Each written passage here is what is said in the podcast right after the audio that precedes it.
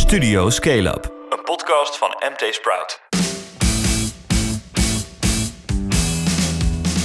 Dit is Studio Scale Up, de wekelijkse podcast van MT Sprout met alles over startups, scale-ups en de incidentele fuck-ups. Mijn naam is Philip Buters en dit keer is collega Maarten Kessendiel mijn digitale sidekick.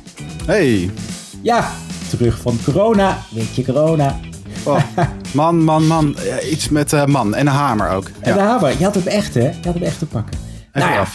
Ja, vorige week zat ik hier met Jelmer, maar we hebben je toch zeker gemist. Want vorige week hadden we ook de start-up van het jaar verkiezing. Ik zag iets langskomen, ja. Ja, zonde. Nou ja, later meer. Um, over de start-up van het jaar. Je hebt je in ieder geval een goede comeback gemaakt deze week. Uh, met je start-up van, van deze week. Vertel, wat was het ook weer? Zwaargewicht, ja. Tommy de Cat. Tommy de Cat.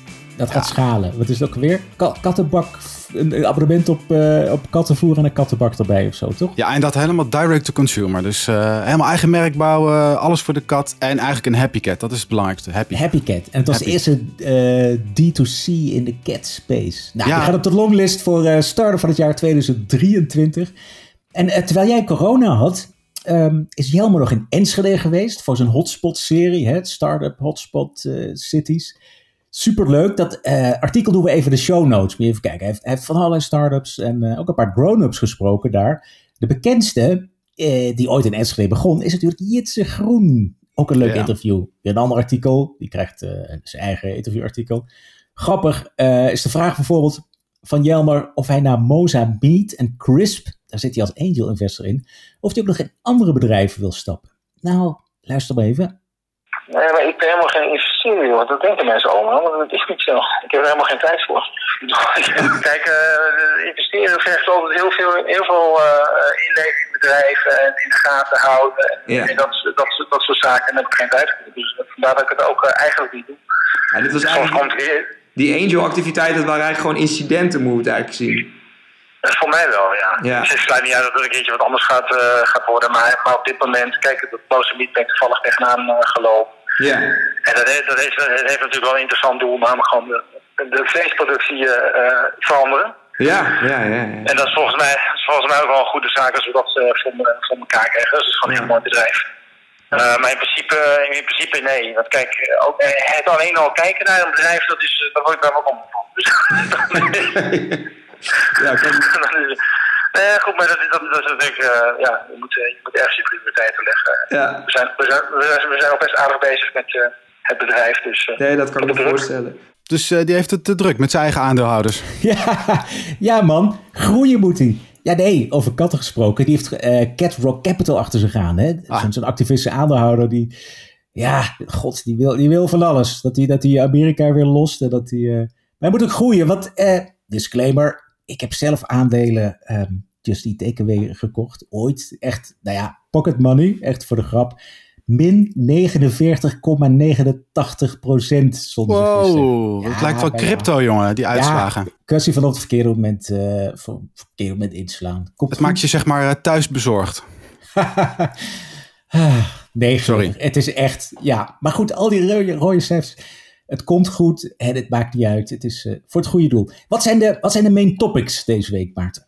Ja, eerst is Workwise. Ze is uitgeroepen tot start-up van het jaar. Is dat terecht? Hey, ja, tuurlijk. Ja, retorische vraag. Tweede is uh, de plaatjes van verveelde apen gaan als hete broodjes over de toonbank. Waarom zijn die plaatjes miljoenen waard? Ja, boring. We gaan beginnen.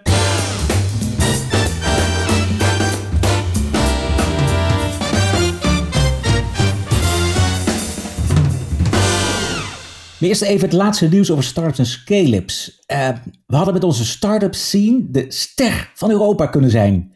Dat zegt Constantijn van Oranje, boegbeeld van TechLeap. Maar Den Haag had moeten zorgen voor goede optieregeling voor werknemers en onderwijs dat beter aansluit bij de technologische ontwikkelingen. Ja, Constantijn die luidt nog maar eens een keer de noodklok rond een nieuw rapport van TechLeap. Dat had het vorige week ook al over. Hè? Te weinig startups groeien door, geld dat stroomt binnen, vooral van de Amerikanen, 5,6 miljard in 2021. Maar er blijft toch gebrek aan kapitaal in de vroegste fase, die pre-seed fase. Ook um, deep tech heeft het heel lastig. Nou ja, wat moeten we doen? Die optieregeling moet er nou eindelijk eens komen, is al heel lang beloofd, maar die, die komt er maar niet. En wat ook zou helpen is als pensioenfondsen meer durfkapitaal investeren. Al dus rapport en Prins. Get icy like Froyo. All gotta stay vocal. Bitcoin, Ethereum, hodl. AMC, GameStop, YOLO. The hedges short squeeze with ease, but they say no pump and dumps, please. Oeh, dat uh, viel niet mee. Je hoorde Heather Morgan, ook wel bekend als rapper Ras. Volgens mij nog een tandje beroerder dan, uh, dan Ali B. Maar goed, interessanter is dat zij en haar man Ilja Lichtenstein zijn opgepakt vanwege het witwassen van een vrachtje bitcoins. Ze zijn dan in, in 2016 een keer uh, uh, met een hack buitgemaakt, die bitcoins, op handelsplatform Bitfinex. En hou je vast, het deel waarop beslag gelegd is nu 3,6 miljard dollar waard. Wordt vervolgd. Man, man, die Lichtenstein, die heeft zelf ooit nog uh, met een start-up in Y Combinator gezeten. Hè? Ik zag op Twitter iemand die zei... Nou, with the 3.6 billion in stolen Bitcoin, Ilya Lichtenstein is technically YC's most successful alumni. Ha. Uh, ja. Nou ja, het was weer een hele goede week voor overnames. Homam Karidi, die heeft met StudyTube, dat blijven maar Netflix voor bedrijfstrainingen noemen, allemaal videootjes, Springest overgenomen. De eerbiedwaardige Springest, veel eerder begonnen, maar meer een marktplaats voor trainingen en opleidingen. Gekocht van FD Media Groep, die kan daar blijkbaar niks mee. Ja, weten zij veel. Hmm. En het is ook meteen een dubbelslag, want Karimi heeft ook nog eens 30 miljoen aan vers geld opgehaald. En nog een hele dikke. Teun van den Dries en Sander Mulders hebben met hun scale-up Geofy hebben ze net verkocht aan de Amerikaanse vastgoedfinancier Walker Dunlop. Geofy die taxeren commercieel vastgoed met behulp van data en AI. De Amerikanen betalen 75 miljoen cash en er zit nog een earn-out van 179 miljoen euro in het vat. Ja, Van Dries hun best blijven doen. Maar dat doen ze echt. Ook awesome hoe goed die... Uh die Teun van de Dries uh, Amerikaans praat. Je moet eens opzoeken, zo'n uh, filmpje als je bij Bloomberg zit. Het is een beetje Robert Vis, hè, ook. Ja. Echt huge. Hebben we echt alleen maar overname nieuws? Nee, we hebben ook funding. alleen de opvallendste deals natuurlijk. We gaan er snel doorheen. Het waren er weer te veel om op te noemen. Het echt, het is.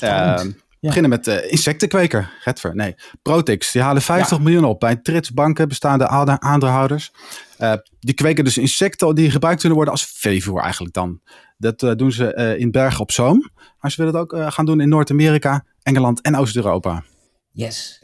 Hydroloop, de waterzuiveraar die in 2020 nog Challenger van het jaar was bij Sprout, heeft nu in Engeland gescoord met crowdfunding via Crowdcube. Ze zetten in op 3 miljoen euro, maar ruim voor sluiting, ik geloof twee weken voor sluiting, was de max van 4,5 miljoen euro al bereikt. Nou, supergoed gedaan door Arthur Valkiezer en Sabine Stuiver natuurlijk. Go, go. Koen Thijssen heeft 15 miljoen opgehaald voor zijn online verzekeringsbedrijf Insufy. Die ronde werd geleid door investeerder Axel, bekende naam. Thijssen was eerder medeoprichter van uh, Bloemon. En ja. uh, nu wil hij met uh, de markt voor MKB-verzekeringen disrupten. Ja, ZZP'ertjes, kleine ondernemers. Superleuk. En dan Carmijn Kapitaal, dat is ons favoriete female-founded private equity huis. Dat stapt in Tover. Tover, ja, dat is het bedrijf achter de tovertafel. Dat heette ooit uh, Active Cues. Dat is een speelse interactieve tafel die onder meer mensen met dementie kan helpen. Het ah. gaat om miljoenen, ze zeggen niet hoeveel. Maar Tover willen mee naar de VS. We zijn door de tijd heen, hè? Ja, ja. Heb je nog, heb je nog veel fundings liggen? Uh, nou, één bizar grote ronde nog. 935 miljoen dollar voor Flexport, Amerikaanse ja. concurrent van Schiphol. De Nederlandse uh, freight forwarding uh, platform. Ja, met een Nederlandse uh, founder zit erin, hè? Ja, ja, dat is eigenlijk de, misschien wel de belangrijkste reden dat we het doen natuurlijk. Ja. Sanne, Sanne Manders. Ik ben, ben me net aan het verdiepen, oh ja. dus binnenkort nog wat meer over hem. Ja. En, en, en qua fondsen, 11 miljard heeft Tiger Global opgehaald voor een nieuwe fonds. Die bedragen die gaan nergens meer over. 11 miljard. Ja, nou ja, we hebben ook Softbank, Softbank gehad, ook maar 11 miljard. Dat is dus twee keer het hele bedrag dat Nederland samen heeft opgehaald, toch in 2021. Echt, oh my god. Nou ja, door naar de main topics. Workwise is uitgeroepen tot starter van het jaar 2022. Medeoprichter CEO Michiel Meijer versloeg vorige week tijdens de pitchfinale zijn opponenten Anyways, Orderly en Cellarize. Hij won de jury voor zich met Workwise een platform waarmee bedrijven hun werknemers kunnen voorzien van kantoorspullen die ze nodig hebben om thuis te werken. En uh, Flip, goede keuze dus? Ja, superkeus. ik ben ook maar nederige uh, juryvoorzitter. Dus ik, uh, ja, uiteindelijk moeten we toch samen de knoop doorhakken. Jury was dit jaar, goede jury, Laura Rozenboom van Borsky Fund en Start Green, Reiner Lubbers van No Such Ventures, Felix Hermsen, dat was de winnaar van vorig jaar met Neurolytics, en Valentien van der Landen. Nou ja, die laatste die zat, zat in de auto, die moest iets met zieke kinderen opbrengen, weggaan. Nou, heel gaaf, want die nou ja, was toch goed gefocust. Wat minder op de weg. Ik moest iedere keer zeggen, wat, oog op de weg, oog op de weg. Maar ja, Mm. zij vond natuurlijk de discussie heel interessant, de vragen heel interessant. Dus ze heeft echt goede input gehad. Maar ja, dan met eh, twee handen aan het stuur en, en de ogen op, eh, op de pitches gericht. Maar ja, Het zou wat zo kunnen zijn dat je dus blind luistert naar een pitch. Dat het misschien wel een eh, goede manier is om de inhoud eh, te Ja. oordelen. weet je, die pitches, de eerste twee minuten, zeggen we elevator pitch. Daarna gaan we gewoon Q&A. Gaan we gewoon ze doorzagen en dan, eh, weet je, kom Ja. je sneller tot de kern. Anders krijg je zo'n, dat is zeker met online pitches, dat mensen hebben toch de neiging om het van het scherm voor te lezen. Dus dan heb je sowieso niet een Ja, super zaten ze, performance op een podium. zaten ze dicht bij elkaar wel, qua Ja. kwaliteit? Jawel, jawel, jawel. Toch, ja, waren toch wel gecharmeerd van, van, van allemaal, van elementen tenminste. Je hebt dat Salarize, dat gebruikt dus salarisstroken, niet als onderpand, maar zij doen zaken met werkgevers. Een soort Ehm, borg. En ze, Ja. ze, ja, ze, ze, ze oversluiten persoonlijke leningen tegen lagere tarieven. En dat doen ze door met werkgevers samen te werken. Dus die vragen ze om de salarisgegevens. En op basis daarvan kunnen ze, net als bij die nieuwe generatie factoring bedrijven, kunnen ze beter de risico's inschatten. En Ja. het geld, de investeerders in die, die persoonlijke leningen, dat zijn ook weer particulieren. Dat En vonden er zit een grote naam eh, achter, hè? Uh, Cellerwise, Carlo Begijn is een Ja. van de medeoprichters. Maar het wordt nu echt gedreven door Paul Spronk en Claire Dussenbroek. Die doen het volgens mij heel goed. Die hebben ook best grote werkgevers aan zich gebonden. En dat geld ja, begint te stromen. Dat, Hm. dat, dat moet op gang komen. Maar het idee, ze hebben het ook heel veel over purpose. Van ja, financiële gezondheid voor je werknemers. Als je daar Mhm. zorg voor draagt, dan kun je via Cellerwise zorgen. Dat ze in ieder geval toegang hebben tot goedkopere persoonlijke leningen. En dan hun persoonlijke leningen oversluiten. Ik weet niet... eh, dat zullen wel eh, van die, hoe heet het, van die telefoonrekeningen zijn. Of mensen die echt, echt schulden hebben. Dus Ja. dat, dat is een goed doel. Gaat lopen. Maar goed, daar waren dan... Any, anyways, Nou ja, die, goed, je moet één, één kiezen. Anyways, ook tof. Flexibel Ja. autoabonnement van Wesley de Kruijf en Ilse Vonk. Wij vonden slim Hm. eh, dat zij... Het is, het zit tussen private lease en, en, en echt eh, short lease en, en ja, gewoon autodelen in. Maar het is wel echt je eigen auto. Heel Hm. slim. Want zij zeggen van ja, mensen willen toch een auto die er altijd voor ze is. Ze richten zich niet op binnensteden, maar mensen die wonen aan de rand van de binnensteden. En slim is die sourcing. Ze werken samen met gewoon ja, grote autodealers en misschien een leasebedrijf, maar in ieder geval bestaande auto's. Dus we hoeven niet nieuwe auto's in te kopen of te bestellen. Ja. Het kunnen ook tweedehands auto's zijn. En Wie deed de pitch? Want Ik had vorige keer Wesley gesproken bij de, de Ja, interview. bij Wesley iedere de pitch. artikel. Hartstikke Ja. goed. Ja. Oké. Nee, nee dat, dat deed hij echt goed. Heel overtuigend. Ook weer, het komt op gang. Eh, in de pitch deck staan natuurlijk geweldige hockeysticks en eh, alles, alles klopt. De kegger en de kak en de CLTV en de, de verhouding daartussen. Maar toch nog heel pril. En die Bart is nu natuurlijk lastig, want er is helemaal, er is een tekort aan, aan auto's. Je hebt niet eh, auto's Ja. die stilstaan en op deze manier eh, mooi eh, aan het rijden kunnen worden gepakt. Orderly, ook tof. Dat is dat, dat QR-bestelplatform. Y Combinator Eh, voor de horeca. Ja, heeft een Y Combinator gezet. Dus ik was, ik was onder de indruk van wat ze tot nu toe al hebben gedaan. Het is ook echt mooi dat je dus, dat ze, hij zei het is wel leuk om te horen, Y Combinator, een van de belangrijkste takeaways was dat ze zich meer zijn gaan focussen op de biermarkt. Dus je bestelt met hun vooral drank en bier in cafés. En niet de hele Hmm. horeca, niet alle restaurants eh, richten zich nu op.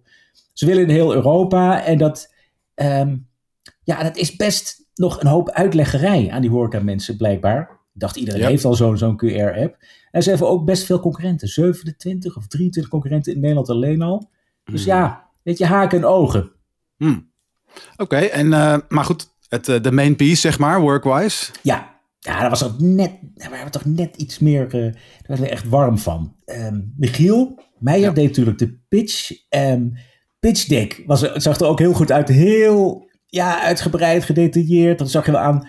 Dat zei je het ook van, ja, je kunt wel zien dat jij een McKinseyaan bent. Hè? Een consultant is hij geweest in de vorige leven bij McKinsey. Ik had me ook voorbereid van, oh, dan komt zo'n consultant. Weet je wel, je hebt Rocket Internet werkt ook heel vaak met consultants die dan een beetje de Mhm. CEO gaan uithangen. En, maar dat was Mhm. het niet. Echte ondernemer. Ehm, ja, wat zij doen is dus dat, dat online platform, gewoon een, een hele winkel, een bestelplatform voor kantoorspullen. Van monitoren tot koffiemokken. Je kunt ook je koffiemok in je eigen bedrijfskleuren bestellen. Maar ook consumables, hoe heet het? Printpapier en gewoon kantoorspullen. Het is gericht op thuiswerkers. Ze zijn natuurlijk opgericht in 2020, net voor corona. Maar in een hele mooie periode waarin heel veel bedrijven met handen in het haar zaten. En moesten zorgen dat, dat hun mensen thuis aan de slag gingen. Ehm, dat hebben zij dus hybrid working is dat geworden. En ja, het is toch heel leuk hoe zij uh, op de klantvraag ook steeds inspelen. Het is nu een platform waar je niet alleen je spullen kunt bestellen, maar je kunt ook spullen huren, leasen. Uh, ze kunnen de onboarding en uiteindelijk ook de offboarding van je werknemers begeleiden. Dus zorgen dat ze op tijd al die spullen thuis hebben. En nou ja, dat ze ook op tijd weer, uh, weer worden, worden opgehaald. En asset management, ook zo mooi. Ook weer best snel, in de afgelopen twee jaar, zo lang is het niet, hebben ze dus een mogelijkheid gecreëerd voor hun klanten om aan asset management te doen. Dus te zorgen dat al die monitoren ook gewoon echt in een systeem terechtkomen waar je ze kunt volgen. En ook kunt laten servicen door de suppliers van, van Workwise uh, in dit geval. Nou, daar hebben ja, we nog zijn... een financiering opgehaald, anderhalf miljoen euro bij Peak. Voorheen Peak Capital, ik noem het al veel te lang, Peak, Peak, Peak, Peak. het heet alleen maar Peak. Van Johan van Meel en um, en alleen Dura van Noord. Ja, dus die klanten die betalen eigenlijk om te kunnen winkelen bij hun of zo. Ja, want het is, ja nou, dat is ook. Het is een beetje dubbel, want het, het is wel echt een SaaS-platform. En die bedrijven betalen een paar euro per medewerker om mhm. het te kunnen gebruiken. Dus je hebt, ze zijn niet alleen uh, een, een, marktplaats, maar ze hebben ook nog een sowieso recurring revenues aan die, die, dat SaaS-abonnement. Grappig, ja. hè? Dus een soort Amazon waarvoor je betaalt. Ja. Want het is wel arbeidsintensief klinkt. Je hebt ook al die assets dus ook die je moet uh, managen. Gaat dat een beetje? Nou, vonden we ook heel tof. Dat ze blijven echt super saas. Ze zeggen van wij zijn het platform. Wij zijn een marktplaats. Onze mhm. suppliers uh, mogen alle diensten leveren die ze willen. Tenminste, zij zorgen dat dat, dat gebeurt. Hè? Dus de, de eindgebruikers, dus hun SaaS-klanten, die willen dan dat iets gemanaged wordt of gevolgd of gebracht of gehaald of gerepareerd of zo. Hmm. We zorgen dat het gebeurt via ons platform, maar we gaan het zelf niet doen. Ze zijn ook zelf nog maar met 15 mensen. Dat is, nou, dat is best wel uh, lightweight. Maar ze zijn toch wel een mooie fair met een paar mooie namen, geloof ik. Ja, ja, ja. Ze moeten qua mensen moeten ook zeker zo snel mogelijk verdubbelen. Maar uh, ze hebben bijvoorbeeld hele mooie namen. Molly, Katawiki, Netflix in Europa.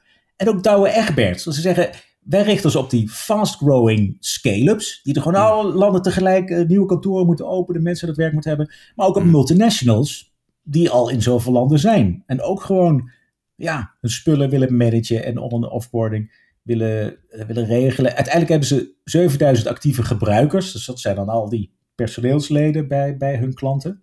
Hm. En um, waar ze ook al ver mee zijn, is dat schalen. Ze willen echt zo snel mogelijk heel Europa in. Ze hebben een kantoortje in, in, in Frankrijk. En dat geld, die anderhalf miljoen, dat gaan ze ook echt steken in grijze haren. En VP's met, uh, met meer ervaring. Ook in die, in die office supply.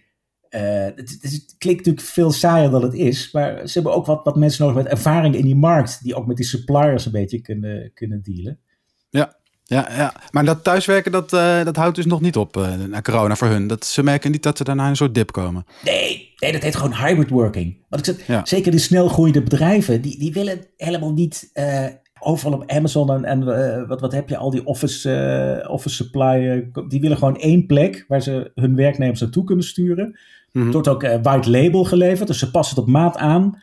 Dus, zodat je ook je eigen mokken en je eigen pennetjes en zo erin kunt doen.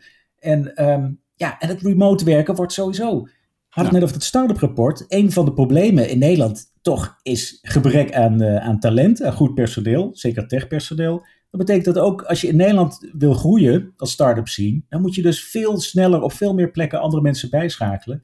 Ja. Nou, dat blijft dus ook, dat is echt een blijvertje, dat hybrid working. En dat is uh, voor hun een kwestie van snel schade dan naar, uh, naar werelddominantie? Werelddominantie, ja, zeker. Kijk, die anderhalf miljoen, dat klinkt natuurlijk als peanuts. Maar ik zat even te kijken. En wat mij opviel, zelfs in Amerika, waar alles eerder en tien keer zo groot is, is nu de grootste ronde 13 miljoen voor First Base. Hmm. En in Engeland is Hovi, ook een partij die iets vergelijkbaars doet.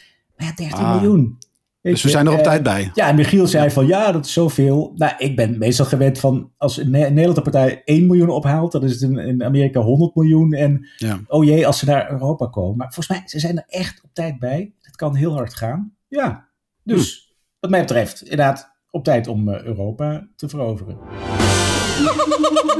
Die zagen wij ook niet direct aankomen. De gerenommeerde venture capital firma Andreessen Horowitz, die steekt een enorme sloot geld in computerplaatjes van lelijke apen.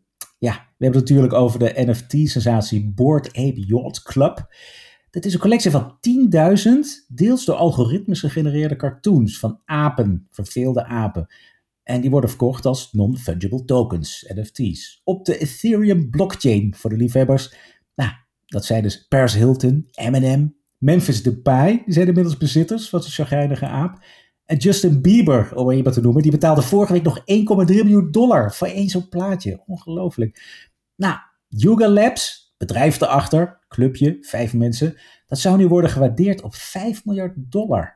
That image is worth three hundred and forty thousand dollars. You wouldn't want that image? I don't understand. Here's my problem. I can have that photo, and I can have it on my phone.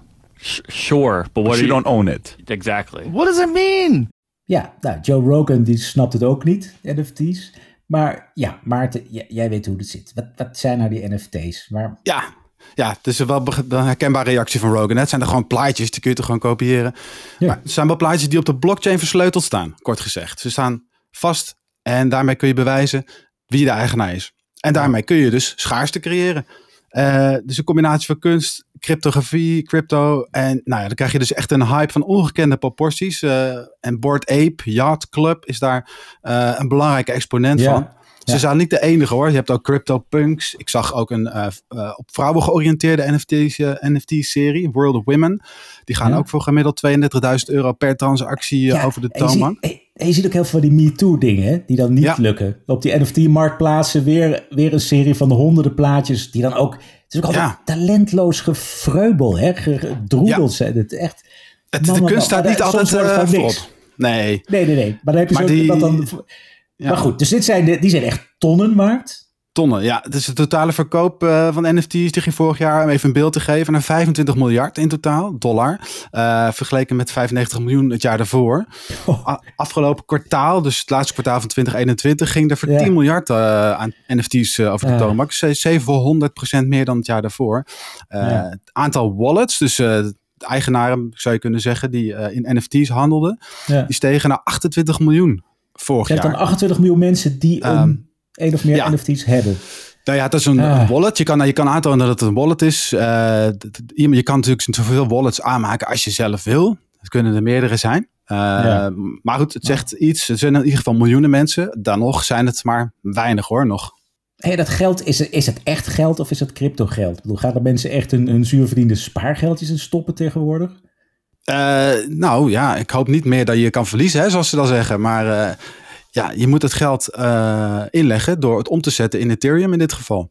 Dus Ja. daar gaat echt geld in. Het is wel echt geld. En die Board Ape Yacht Club, eh, Ja. wat is de, hoe is dat zo uit de hand gelopen? Ja, dus, ja, het is nu zeg maar de koning van de NFT's, zou je kunnen zeggen. Eh, het is een statussymbool geworden. Eh, vooral dankzij VIPs, zoals Paris Hilton, Justin Bieber, Eminem, Memphis Depay ook in Nederland. Snoop Dogg, die Ja. allemaal te koop lopen met die, eh, met die, Ja, met die hoe? afbeelding. Door, door ze als een avatar te gebruiken of zo? Door, Ja, bijvoorbeeld. Ja. Ja, het is hun social media onderdeel van hun identiteit eigenlijk online. Paris Hilton was een week geleden in een late night talkshow en ging uitgebreid haar nieuwste en Board 8 Yacht Club NFT eh, showen met Ja. Jimmy Fallon. Op de mobieltje of zo. Hoe laat ze dat dan zien? Nee, die hadden ze dan uitgeprint, dus die konden ze eh, gewoon uitgeprint laten zien. Wat iedereen kan doen, maar Ja. haar printje is dan wel echt, echt, echt, echt. Zij heeft hem. Zij heeft het oorspronkelijke Ah, werk, zeg maar. nou, ja, weer is wat anders dan een eh, G-Wagon of zo. Precies. G-Wagon met eh wegende rims als je stilstaat. Ja. Ah, Ja. Oké, nou fijn.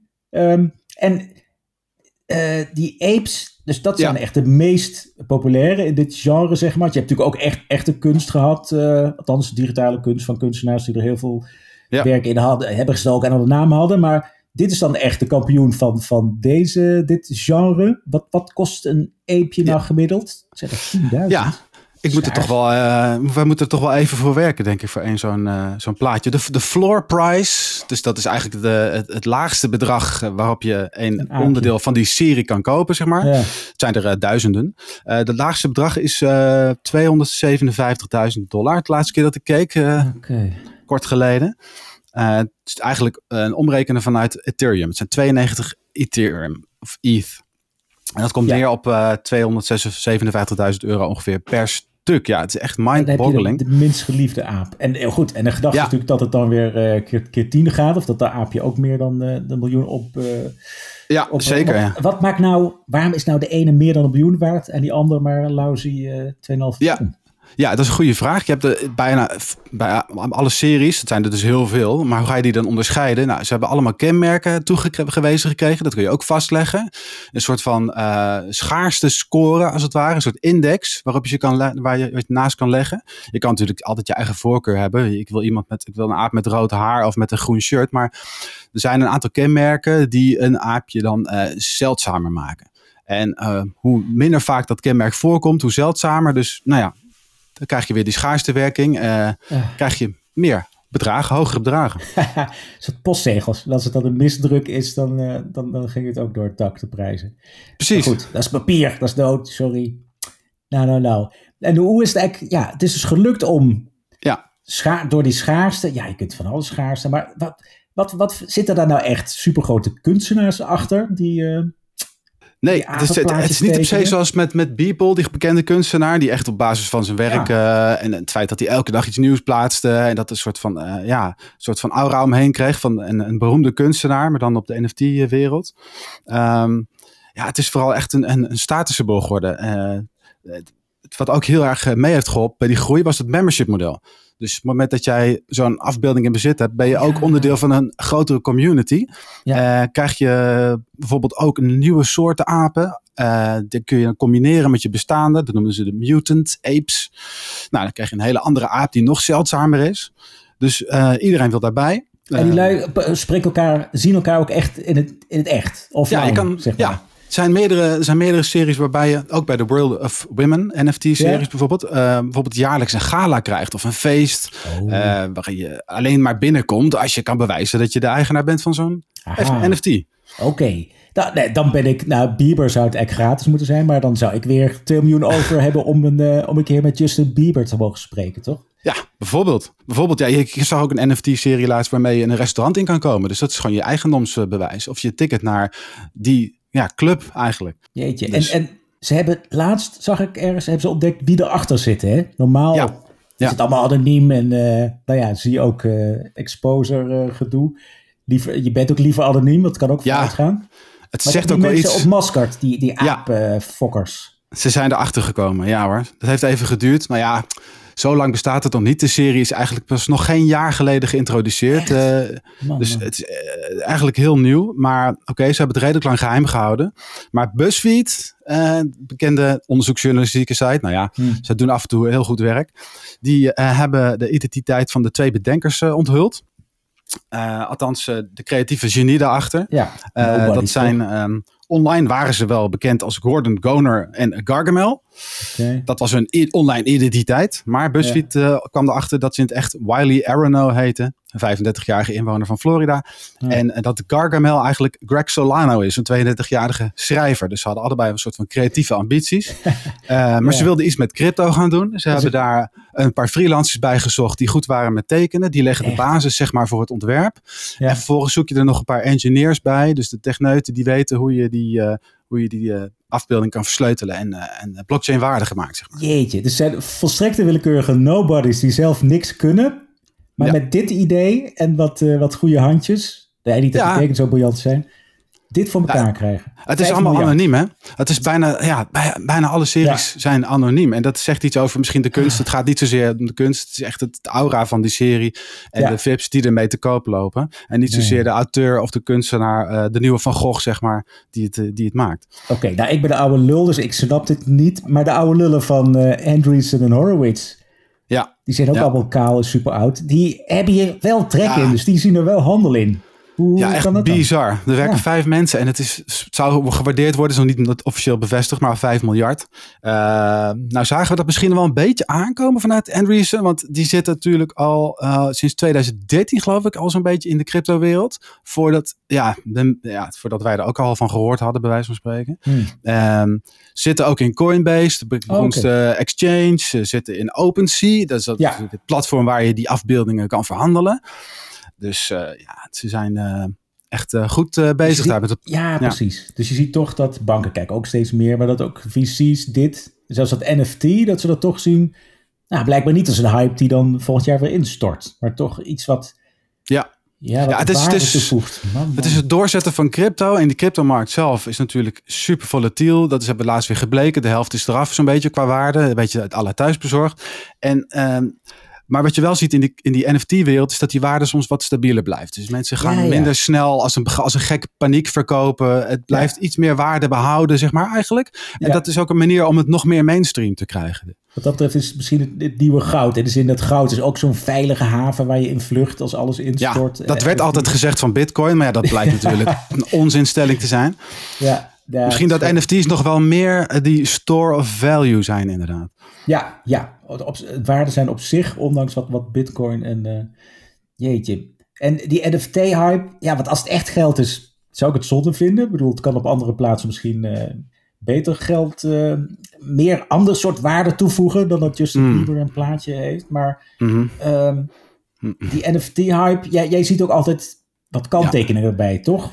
Zijn er schaduwkanten van er zijn zeker schaduwkanten. Ja, nou ja, het is ook nog maar zo vroeg. Uh, dat, dat platform OpenSea bijvoorbeeld, waar die uh, NFT's worden verhandeld, dat, die kan natuurlijk schermen met die, met die fantastische series, uh, een paar. Maar daaronder zit een hele laag van frauduleuze activiteiten. Allemaal, hmm. ja, iedereen kan in principe een plaatje uploaden, of minten, zoals dat dan heet in de NFT-wereld. En een serie online zetten. Maar ja, wie gaat dan checken waar die plaatjes vandaan komen? Dat zijn vaak gestolen werken of van andere blockchains. Uh, het bleek ondanks dat 80% van de NFT's die gemaakt werden uh, met het gratis tooltje wat je op OpenSea kan gebruiken daarvoor, dat het nepkunst was of plagiaat. Um, dat is één uh, duistere kant waar nog een oplossing voor bedacht moet worden eigenlijk. En um, de blockchain die gebruikt wordt voor de Board, Board Apes is Ethereum. Ja. ja, dat is natuurlijk een energievreter van je welste. Net dat als is een beetje standaard, toch? NFT's die worden altijd op, de, op Ethereum gemunt. Ja. Maar dat is, dat, het lijkt misschien wel alsof dat helemaal niet de, die enorme lading aan kan die er momenteel uh, door, dat, uh, door dat netwerk gaat. Waardoor je het energieverbruik bijvoorbeeld is net zo hoog per transactie als een Amerikaanse huishouden verbruikt in een week. Oh, die verbruiken wat, ja. Dus, dus per transactie. Ja, en de, de gas fees, dat zijn de kosten die je betaalt voor het netwerk eigenlijk. Dus hoe die, uh, die nodes elkaar uh, controleren. Ja, die kunnen zomaar oplopen. Die kosten tot 100 euro uh, of meer per transactie. Precies, dus dan betaal je die 100 euro. Betaal je niet voor het, het, het onderliggende unieke goed. Maar voor het, voor het verhandelen of het munten van, van die NFT ja. zelf. Dus die eerste 100 euro is sowieso al... Ja, dat, nou ja, dat, dat verhoogt de drempel natuurlijk voor de kleinere. De, ja. ja, het gaat naar de elektriciteitsrekening. Ja, dat nou zijn enorme uh, kosten vergeleken met uh, andere blockchains die een beetje aan de stoelpoten zagen. Het is nog heel klein, maar die zeggen van uh, wij zijn het veel efficiënter. Tezos is een voorbeeld, er zitten veel kunstenaars op. Algorand is een blockchain waarop steeds meer gebeurt. En dat, ja, die profileren ze als het groene alternatief. En daar kun je ook NFT's ja, weer in de varianten van opmunten. Ja, het zijn, het zijn ook NFT's of NEFT's Huh? Zoals sommige mensen het noemen. Nee, laten we het op NFT Ja, de Verge wilde dat we het Neft gaan noemen. Maar Neft, Neft. ja, dus, uh, ja, maar wat het ook heet, het, het, gaat er zeker blijken. Het moet nog wel blijken op welke blockchain dan uiteindelijk de winnaar gaat worden. Dat ben ik wel heel benieuwd naar. Precies. Nou, ik zag uh, de laatste NFT die ik tegenkwam was afgelopen week. Was de nieuwe Alpha Tonale, geloof ik. Een, een SUV'tje. Uh, elke koper krijgt er een NFT bij van zijn, van zijn eigen alfaatje. Dus die nou ja, hier dan en is uniek dus. over uh, of NFT's ook kunnen roesten. Nee, alfa's roesten niet meer. Maar goed, dan heb je een NFT die misschien straks ook een miljoen waard is als die auto lang op de sloop ligt. Ja, het zal meevallen. We gaan het zien. Store value. Dit was Studio Scale-up aflevering 42. Vergeet je niet te abonneren op Spotify of je favoriete podcast-app. Deel de podcast ook vooral met je vrienden, kennissen. En kom met feedback of vragen. philip.mtsprout.nl Maarten, bedankt dat je er weer was. Famous last words. Ja, ook bedankt. En uh, succes bij die persconferentie zo. Uh, moet je alweer op audiëntie bij Constantijn? Ja, heerlijk. Oh, ik ben zo'n oranje klant. Ja, ja. Nee, maar we gaan, ja, hij moet, hij moet flink. Ik denk, het is ook zijn laatste jaar, laatste anderhalf jaar. Ja, Den Haag moet luisteren. Yes. Die opties moeten komen. Die optieregeling van werknemers. Om te beginnen. Nou ja, bedankt voor het luisteren en tot de volgende aflevering. Tot ziens.